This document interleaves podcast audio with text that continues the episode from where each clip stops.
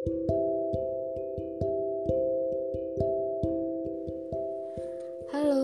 hai, selamat pagi, siang, sore, malam, di mana pun kalian berada.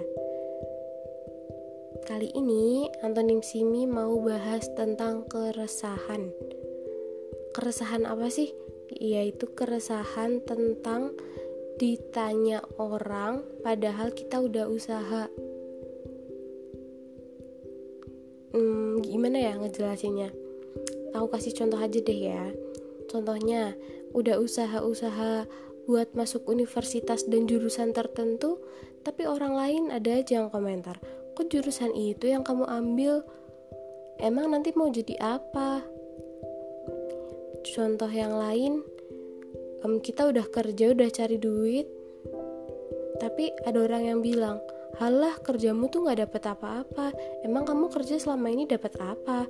Emang keuntungan kamu selama ini berapa? Kayak gitu. Pernah nggak sih kalian di kayak gituin? Aku tuh beberapa kali ya pernah di kayak gituin.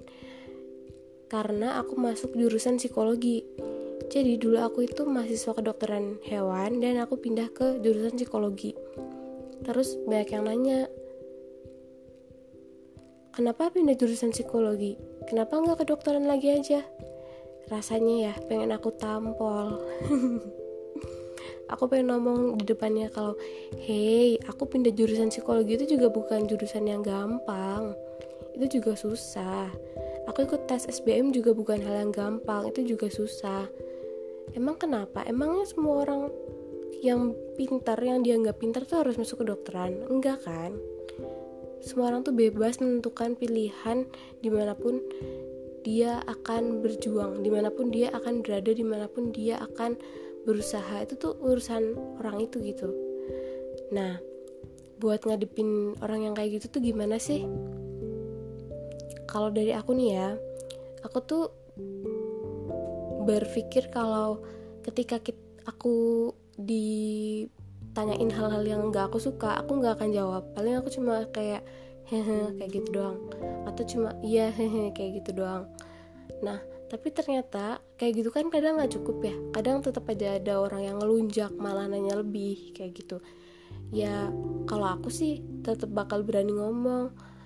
Ya aku masuk sini juga nggak gampang kok. Aku masuk sini juga butuh usaha kok kan gak harus semuanya masuk ke dokteran gak harus semuanya jadi dokter ya kan? Aku dulu ditanyanya kayak gitu sih. Nah terus selain itu kita juga harus punya pikiran nih bahwa mau kita jelek atau mau kita bagus di dunia ini pasti tetap akan ada yang komentarin misal aku masuk jurusan psikologi. Terus udah masuk pun tetap aja ada yang nanya IPK-nya berapa, IP-nya berapa. Ntar misal aku jawab IP-nya 4, tetap ada yang komen, "Eh, kamu ambis banget ya, kayak nggak ada kerjaan lain aja. Pasti kamu kupu-kupu ya, nggak pernah ikut kegiatan organisasi." Pasti ada yang komentar kayak gitu. Jadi, mau jelek, mau baik, mau jelek banget, mau baik banget, itu tetap bakal ada yang komentar. Jadi, kalau ada orang yang kayak gitu, udah nggak usah didengerin buang jauh-jauh dari otak-otak kita semua ya kan? Kayak hush hush hush hush kayak gitu. Mungkin itu aja sih yang aku ceritain kali ini.